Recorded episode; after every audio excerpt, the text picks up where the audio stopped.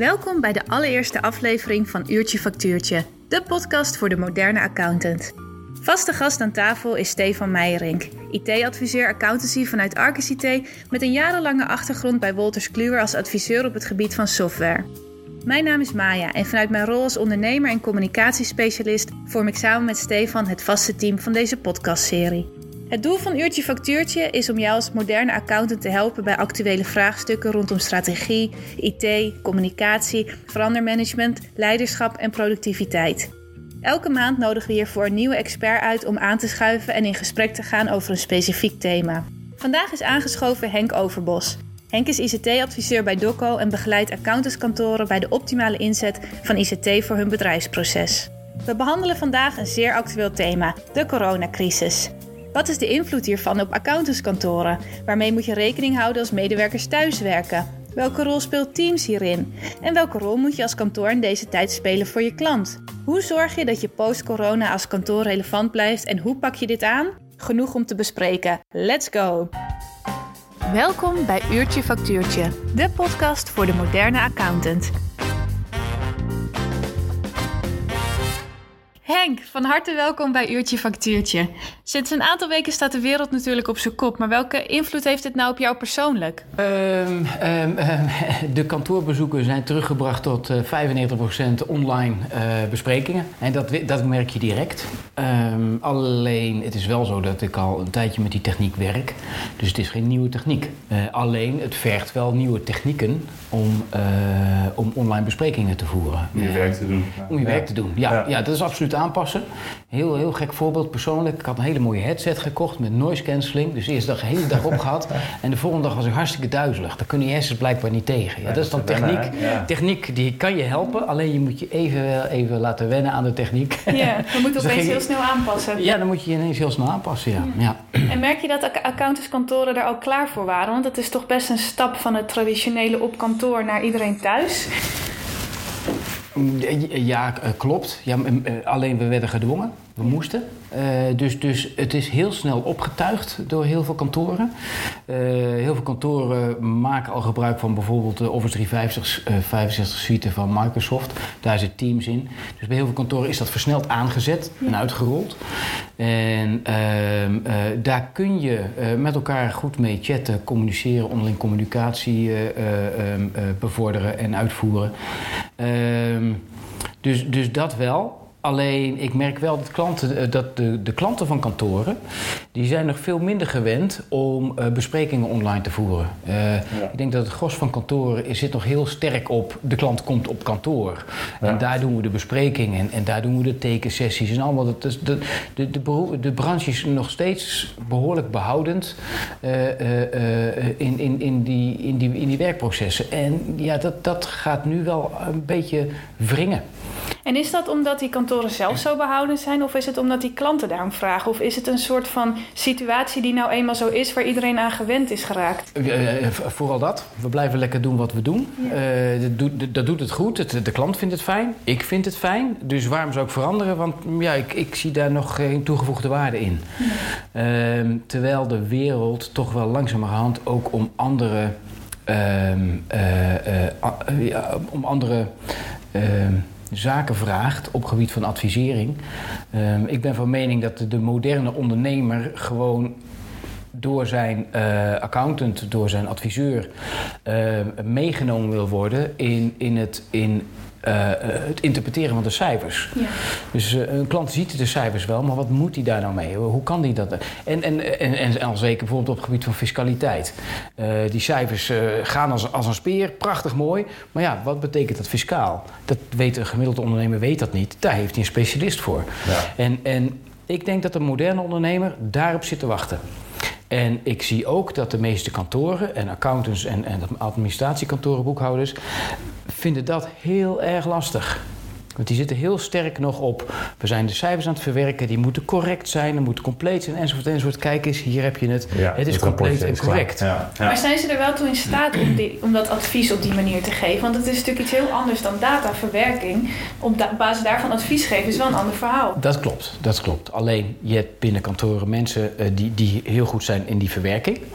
En dat zijn ook mensen die vaak heel introvert zijn en in klantgesprekken daar niet goed uitkomen. Maar toch, als je met die mensen gaat zitten, hebben ze ongelooflijk veel kennis. Ze weten heel goed wat er in die administratie speelt. En, en, en vaak weet een adviseur heel goed wat, wat, wat, er, eh, wa- wat goed zou zijn voor zo'n klant. En, en de rol van adviseur en accountant die zit al va- wat vaker aan tafel. Alleen daar waar ze nu eh, achteraf cijfers eh, gingen bespreken, zie je nu wel een tendens. En ik denk dat een deel van de kantoren is er al heel actief mee bezig.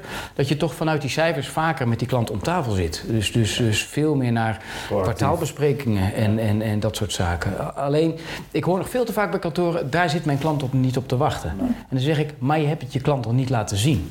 Je laat, ook niet, je laat eigenlijk veel te weinig zien welke kennis je allemaal in huis hebt om hem te helpen. Ja. Alleen dat is een vertaalslag die is heel lastig. Maar In principe was dat denk ik ook al voor de coronacrisis al echt een heel erg hot item, denk ik. Hè? Dat dat echt iets is waar de kantoren, ja, dat moeten ze nog meer gaan omarmen, zeg maar. Ja. Maar eh, merk je dan ook nu tijdens de coronacrisis dat ehm, hè, bijvoorbeeld de communicatie, hè, want dat is natuurlijk nu een ding. Hè, dat Ja. Met Teams gebeurt dat natuurlijk wel, maar ehm, wordt de inzet van Teams en de, middel- de manier van communiceren met je klant, vertraagt dat niet dat proces juist? Hè? Om, om juist die klant mee te nemen in de, in de toekomst en in het interpreteren van die cijfers? Ik denk juist dat, eh, dat eh, de corona ons, ons nu leert dat het ook anders kan. Ja, Dat we gedwongen worden om thuis te werken. En eh, dat we ineens zien dat het kan. Ja. En dat het dus ook kan werken. Kijk, het is allemaal aanvullend op ons basiswerk, of, of, of werk wat we doen. Hè. Teams ook. Teams is geen toeltje die ineens iets nieuws kan. Nee, je moet, het is aanvullend op wat we kunnen doen. En het is aanvullend in communicatie en aanvullend in samen, onderling samenwerken. En daar hebben we nu heel erg behoefte aan, want ja, we mogen even niet bij elkaar aan tafel zitten. Eh, dus dus eh, je wil op afstand een systeem creëren waarin je toch je werk kunt doen en waar je ondersteund wordt door ICT. Dus ik denk juist dat deze crisis ons laat zien dat we technieken hebben die we kunnen gebruiken, die we kunnen inzetten. Ja ook voor na deze crisis om eh, toch hè, sneller en vaker misschien te schakelen met je Ja. klant op afstand. Ja, dat denk ik wel. Ja. Ik denk dat het daardoor veel makkelijker wordt als je nu al eh, af en toe een in- intern een, een online bespreking doet of met de klant een online bespreking. Dat Ja. na de crisis, ja, op het moment dat de cijfers klaar zijn, dan, dan start Ja, je de een drempel is ook weg, hè? Om, Ja, dan start je even een sessie op en je videosessie bespreekt te starten. Want volgens mij is die er ook nog wel, zeker binnen, binnen als je kijkt binnen kantoren eh, en, en eh, hoe gaan collega's met elkaar om? Die zijn gewend natuurlijk elkaar te zien eh, of met elkaar te chatten. Dat, Ja. dat is natuurlijk iets wat al heel lang gebeurt. Maar echt het video, eh, videobellen is toch wel iets waar ik merk bij veel klanten dat, dat daar toch nog een, een drempel zit. Hè, om- omdat je, ja, Ja, je laat toch iets van je huis hè, bij wijze van zien. Dan kun je achtergrond dan kun je blurren. Kun je blurren, gelukkig wel, ja. Dat is een mooie feature die erbij is ja, gekomen. ja, maar, nee, ja. maar je merkt wel, je komt iets meer in de, in de comfortzone van iemand eh, Ja. achter zijn laptop. Nee, eens. Eh, dan dat je naast elkaar zit op een kantoor. Daar, tenminste, ik heb het gevoel dat daar nog wel ook een, een drempel is. En die neemt nu wel steeds Ja, de, eh, af. de, de, de drempel is, mensen weten vaak niet goed hoe die techniek werkt. Welke knoppen zitten er nou allemaal in? Inderdaad, wat ik net zei, de achtergrond die je dan kunt aanpassen. Waar zit dat dan? Hoe doe ik dat dan? Ja. En, en, en, en, en als de klant geen beeld heeft of geen geluid, hoe ga ik dat dan regelen? Ja. Dan zeg ik altijd, eh, pak je telefoon. Weet je, eh, deel, deel het scherm en pak je telefoon. Dan heb je ook communicatie. Ja. Maar eh, eh, eh, daarin is het ook belangrijk dat eigenlijk ook de medewerkers van door de relatiebeheerders meegenomen worden. In hoe voer je nou een online bespreking? Hoe, hoe organiseer je dat? Hoe, zet je de, hoe nodig je een klant uit? Hoe, hoe nodig je meerdere klanten uit? Hoe ziet die klant dat? Waar zit die knop dan voor de klant? Want de klant die gaat bellen, ja, hoe moet ik starten? En op het moment als daar onzekerheid zit, ja, dan, dan, ga je het niet, dan vind je het niet prettig om te gebruiken.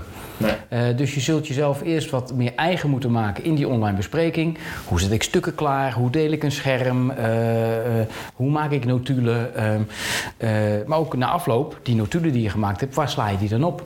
Want dat is gewoon je huidige werkproces. Als je een, een klantbespreking hebt gehad, de aantekeningen, een gespreksverslag, die zet je ergens in een dossier. Ja. Dat verandert eigenlijk niet. Dat blijft hetzelfde. Dus de IT kan je ondersteunen om te komen tot zo'n verslag. Maar het- het proces van het kantoor is wel dat je uiteindelijk dat weer ergens Ja, er neerzet. moet wel structuur, altijd- er moet wel structuur in zitten hoe je dat Klopt. organiseert. En Klopt. dat iedereen het op de juiste en dezelfde manier Ja, En hoe pak je dat nou aan? Hoe zorg je nou dat je toch in korte tijd, want we zijn vrij snel gedwongen om dat te gaan doen. Ja. Hoe zorg je er nou voor dat je een goed proces op poten zet? Hoe leg je dat vast? Moet je, wie betrek je daarbij? Eh, het is natuurlijk makkelijk gezegd van hè, we, we zetten een proces neer, je moet erover nadenken. Ja. Maar voordat dat door iedereen in de organisatie eh, omarmd wordt, dan ben je natuurlijk wel weer even verder. Dat klopt. Eh, gelukkig is de, is de techniek vrij laagdrempelig. En in een, eh, in een online sessie van, eh, van, van 20 tot 30 minuten heb ik de relatiebeheerders uitgelegd hoe ze gestructureerd een, een, een, een, een online bespreking kunnen voeren. Die past binnen hun afgesproken processen van kwaliteit intern. Ja. Dus dat, dat is wel te doen. Alleen je moet er wel even tijd voor nemen om, om, dat, om dat te doen. Ehm, wat ik wel merk is dat Teams nu overal is aangezet. En dat vind ik nog wel een. eh, af en toe wel bedenkelijk. Dat, dat, dat- ik heb, maak me daar af en toe wel zorgen over. Want? Ehm, he- heel simpel. Er wordt eh, eh, te snel over. ehm, er, er wordt heel snel een tool ingezet, omdat we een oplossing moeten hebben voor iets. Ehm, ik geef je een heel simpel voorbeeld. De, de crisis startte en iedereen ging online vergaderen. En wat gebruikten heel veel mensen? Zoom. Ja. Ja. Nog een week later werd er door de FBI een, een onderzoek ingesteld naar de privacy eh, eh, eh, schendingen van Zoom en alle lekken die boven water kwamen. Eh, eh, AVG-technisch wil je daar echt niet mee te maken gaan krijgen. Ehm, we hebben nu recent de melding van NL Alert. Dat, dat er een app naast NL Alert van diezelfde databak gebruik maakt. En ineens eh, eh, eh, dusdanig data lekt. Dat, dat de minister een, een, een, een, een, een, ehm, een, een, eh, eh, hoe, hoe noem je het ook, een datalekmelding gaat doen Ja. bij de autoriteit. Dat soort zaken is het een gevaar van een toeltje die je aanzet. Ja, zonder dat je de consequenties eh, weet van tevoren. Ja. ja, misschien een tip voor mensen als ze Teams gebruiken. Ga eens naar het team. Ga eens naar bestanden. En kijk eens bovenin eh, of je eh, eh, daar de knop hebt zitten cloud-opslag toevoegen. Als je die openklikt, standaard staat er open Dropbox, ehm, eh, Google Drive enzovoort enzovoort. Die wil je als organisatie absoluut op gebied van compliance dicht hebben. Je wil niet dat mensen vanuit teams gaan samenwerken met klanten door middel van Dropbox en daar financiële gegevens delen. Dat is AVG technisch echt gewoon uit de boze. Dat kun je doen. dat is een drama. Ja. Maar iedereen heeft het toeltje aangezet. Ja. En, Nou ja, dat is natuurlijk ook begrijpelijk. Hè? We moesten opeens snel schakelen. Ja, we hoorden absoluut. op zondag, eh, we mogen nergens meer naartoe, dus we moeten wat. Eh, Ja. Dat het er is, is fijn. Alleen wat zijn nu stappen? We zijn nu een paar weken verder. Iedereen is een beetje gewend. Je merkt dat de rust wat meer terugkeert. Wat moet een ondernemer of wat moet eh, de verantwoordelijke binnen een accountantskantoor nu doen om te zorgen dat het oké, we weten dat het niet helemaal oké was misschien, of niet 100%. Welke stappen moeten zij nu zetten om ervoor te zorgen dat het weer op orde is en weer veilig is? Ja. Nou, weet je, de, de, van nature, van, eh, hoe zeg ik dat, is, is, is, is het Office 365 platform is behoorlijk eh, veilig. Of eigenlijk heel erg veilig. Als, als Microsoft een datalek moet, eh, moet melden, dan zegt iedereen van, wat krijgen we nu? Ik denk dat daar het, het, het, zwaarst bewaakte, zwaarst bewaakte fort van de wereld eh, eh, eh, online staat. dus je data is daar heel veilig. Er zit encryptie op, er zitten allerlei beveiligingen op. ehm, hele pagina's online te vinden hoe, hoe Microsoft dat geregeld heeft. Dus in basis is dat goed. Alleen de vraag is, wat doe je daar vervolgens mee? To- toevallig vanochtend een, een telefoontje van een klant eh, eh, van een kantoor. Die waren gehackt met hun mail. En dan denk ik, hoe kan het nou in deze tijd zijn dat je gehackt wordt met je mail? Dat is maar één reden. Je hebt de afgelopen tien jaar je wachtwoord niet gewijzigd. En het wachtwoord is welkom 01. Anders word je namelijk niet gehackt. Het is heel simpel. Binnen Office 365 zet multifactor authenticatie aan. Punt. Ja. Gewoon, dit is een heel simpel toeltje. Die zit er standaard in, die zet je aan. En je bent eigenlijk tegen al dat soort hacks voor 99,999% denk ik beveiligd. Ja. Ehm, ehm, ehm, en, en zo zijn er nog veel meer beveiligingsmaatregelen mogelijk binnen 365 en binnen Teams. eh, Ja. die, die je eigenlijk vrij makkelijk kunt aanzetten en die je helpen om je omgeving te beveiligen. Maar waar het eigenlijk mee, eh, eh, eh, eh, mee begint is dat kantoren denk ik nu even moeten gaan nadenken. Wat wil ik eigenlijk met die tool? Eh, wat past het ehm, bij het behalen van de doelstellingen die ik, die ik heb met mijn kantoor en met mijn klant? En welk ICT-beleid pas ik daar dan op toe? Want binnen het platform kun je bijvoorbeeld bestanden delen. Ja, met wie ga je die delen? Intern Ja. of ook extern? En als je ze extern deelt, wie mag dat dan wel, wie mag dat Ja, niet? die richtlijnen moet je heel duidelijk eh, vastzetten. Ja, die- Want dat ik- is nu natuurlijk heel snel over de bühne gegaan. En eh, het wordt gebruikt ook met klanten inderdaad. Kan nog, nog, kan nog meer gebruikt worden met klanten. Maar zeker voor dit soort zaken, hè, bestanden delen. Dat zijn hele cruciale onderdelen van het hele bedrijfsproces met een, met een klant. Ja, en daar heb je nu intern al afspraken over Ja. gemaakt, denk ik. Met Ja, rapporten en dat soort zaken. Eh, en, en, en hoe ga je dan zo, als je bijvoorbeeld een Teams aanzet, hoe ga je dat IT-beleid, wat je eigenlijk al hebt staan, hoe ga je dat ook toepassen binnen Teams? En, en, en dan, dan, dan kun je inderdaad, dan zul je even, even de, hele eh, inrichtingsomgeving moeten doorlopen en daar diverse knopjes uit en aanzetten die passen bij je IT-beleid. En ik denk dat daar nu wel de tijd voor gekomen is voor mensen om daar even bij stil te staan.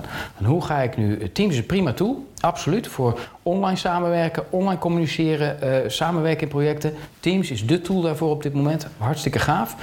Alleen, eh, spreek, j- jij zei net richtlijnen, dat vind ik altijd een beetje zwaar. Want het nadeel van Teams is, het is een heel open platform. Iedereen mag alles.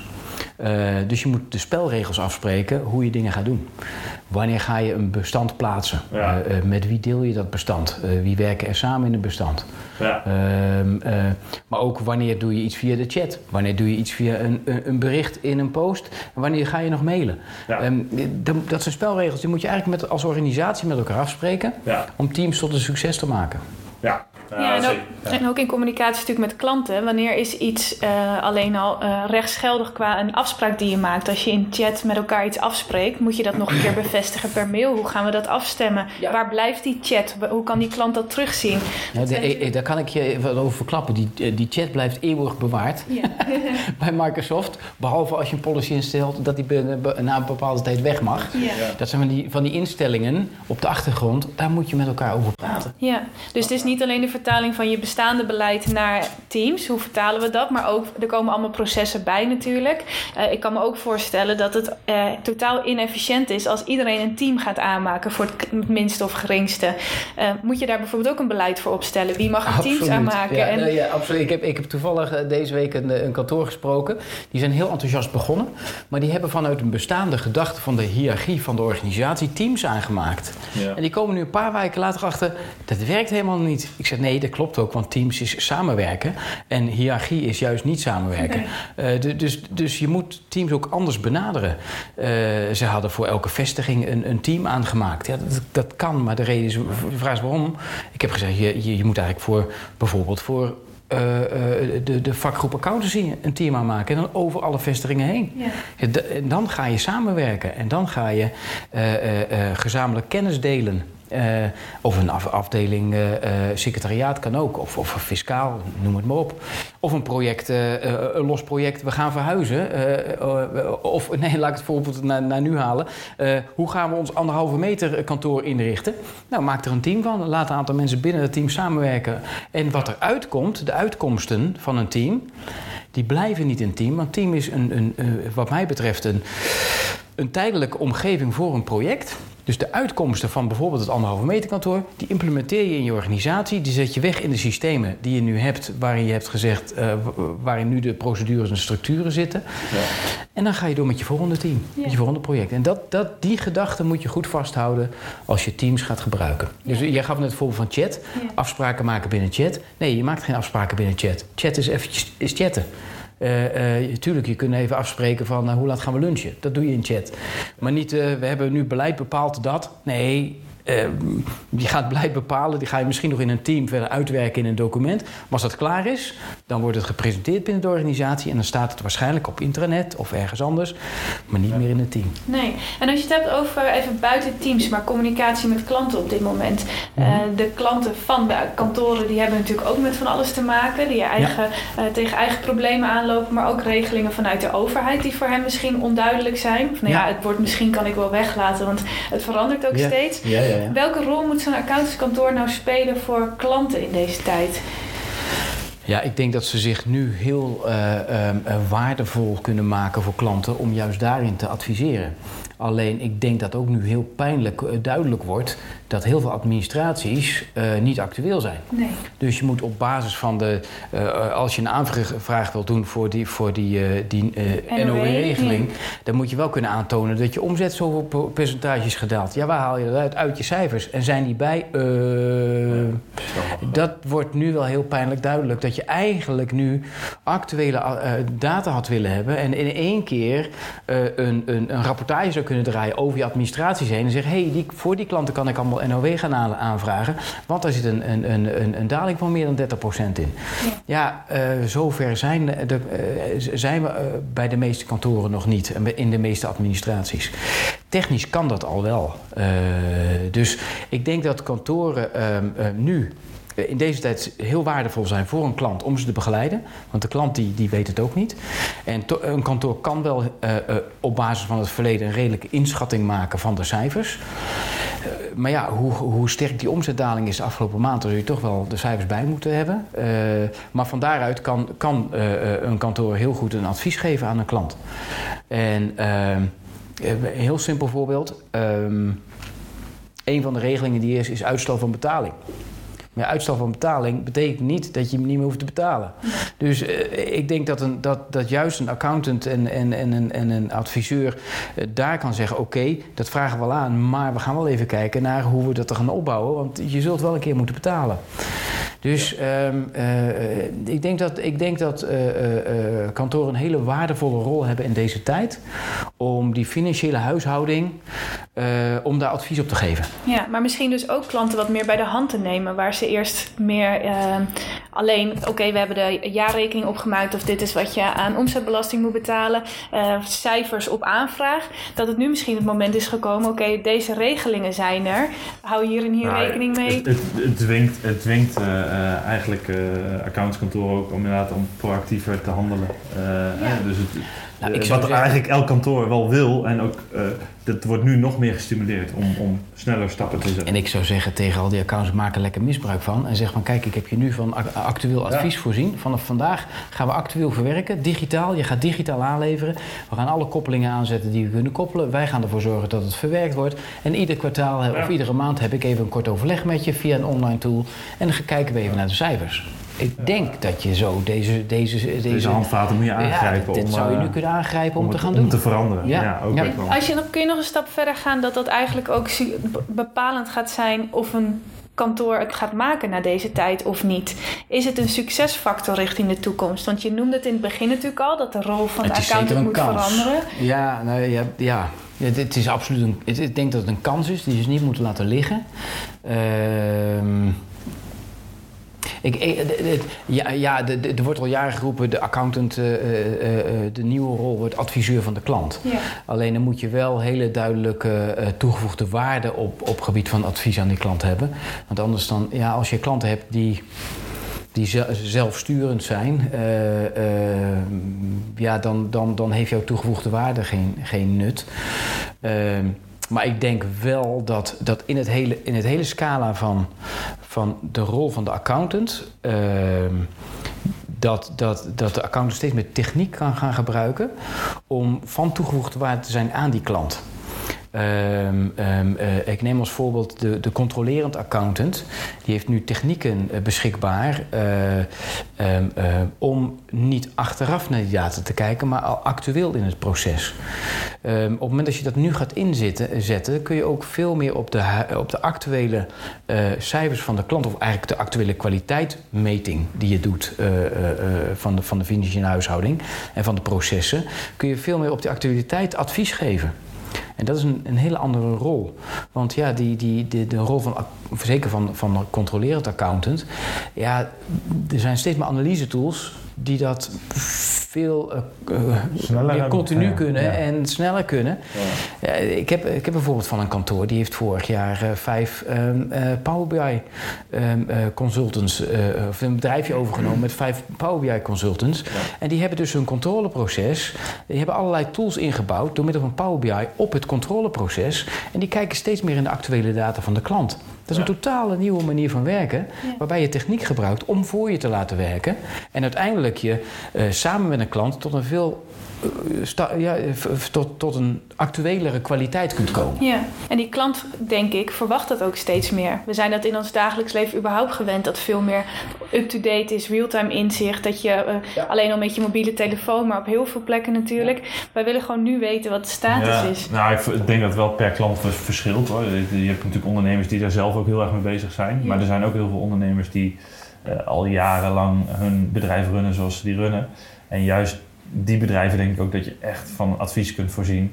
Uh, als je actueel gaat, uh, gaat monitoren wat er gebeurt. Maar is die klant een uitstervend soort of zal dat altijd hmm. blijven?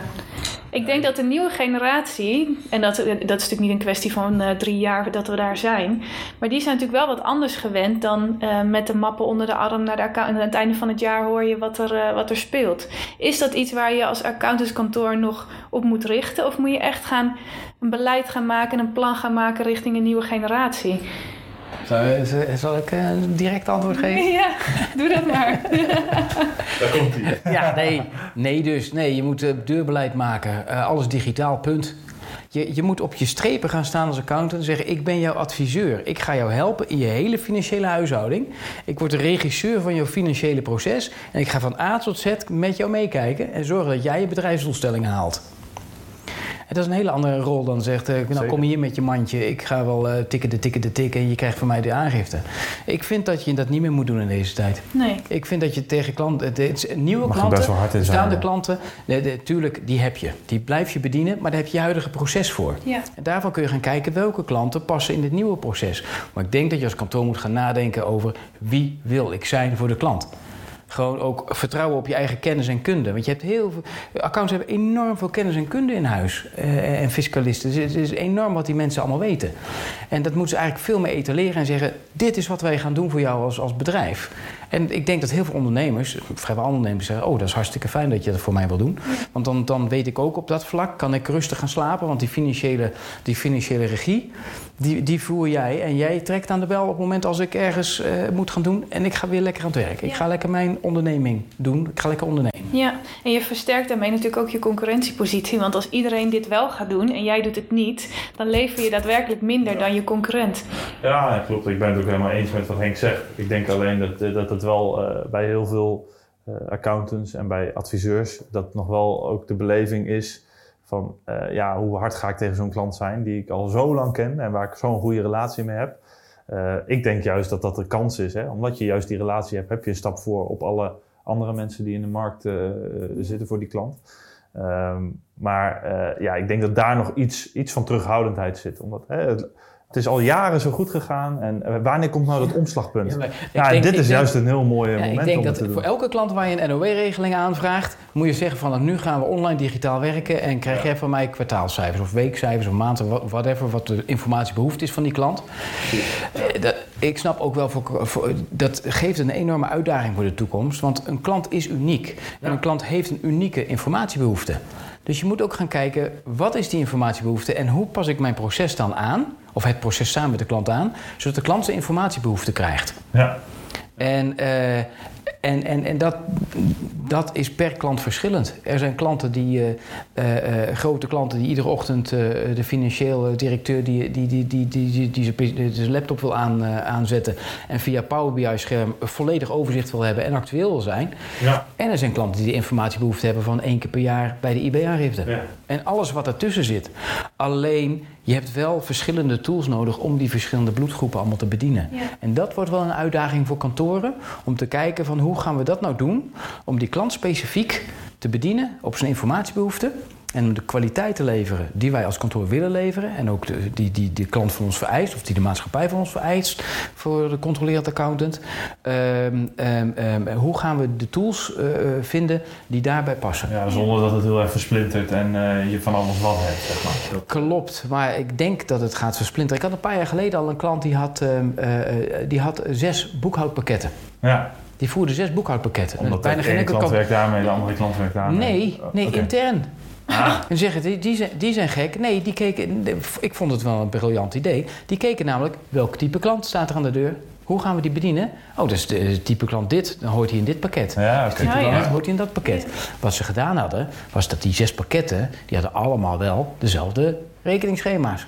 En dezelfde koppeling naar het refer- referentiegroepschema. En dezelfde koppeling naar de mappingstructuur. de Rapportage technisch rapportage. was het allemaal... Dat, was, ja. dat, dat proces dat stond strak. En dan maakt het aan de Dan voorkant niet zoveel uit. Nee, nee. Hetzelfde als je dus dat proces strak hebt staan, dan heb je aan de, aan de buitenkant, dus aan de, aan de, aan de outputkant, als je daar gestandardiseerd bent op RGS en SBR, dan kun je aan de outputkant kun je allerlei appjes aansluiten, allerlei eh tooltjes, maar kijk uit voor security, allerlei tools aansluiten, die jou heel snel helpen om die klant te, eh, heel specifiek te bedienen. En Ja. dat gaat denk ik de uitdaging zijn voor kantoren. Van welke, eh, wat is de informatiebehoefte van de klant? Welke technieken zijn er beschikbaar Ja. om te standaardiseren? En welke tools kan ik dan aansluiten om eh, ehm, eigenlijk dat hele, dat hele, die, die hele regie van het financiële proces goed te monitoren? Ja. En aan de buitenkant tooltjes te gebruiken die mij direct helpen om die klant te adviseren. Ja, en ook niet dat het in één keer allemaal moet staan. Want ik kan me Nee. voorstellen dat als je dit hoort, dat je denkt: wow, dit is wel een hele berg werk. Maar als je niet begint, het is nu het moment om te beginnen, lijkt Ik denk me. dat je nu een kans hebt, absoluut. Je hebt momentum ja, op dit moment. Ja. Goed, Henk, dankjewel. Dit was de allereerste aflevering van Uurtje Factuurtje. Nou, dat is best leuk om te doen, of niet? Nou, fijn om te horen. Misschien nodigen we je nog wel een keer uit. Ik doe het graag. Ja. Dankjewel. Dit was alweer de allereerste aflevering van Uurtje Factuurtje. Voor de volgende aflevering schuift Mark Terstegen van Viscount aan om met ons te praten over software en hoe jij hierin de beste keuzes kunt maken voor jouw accountantskantoor. Tot dan!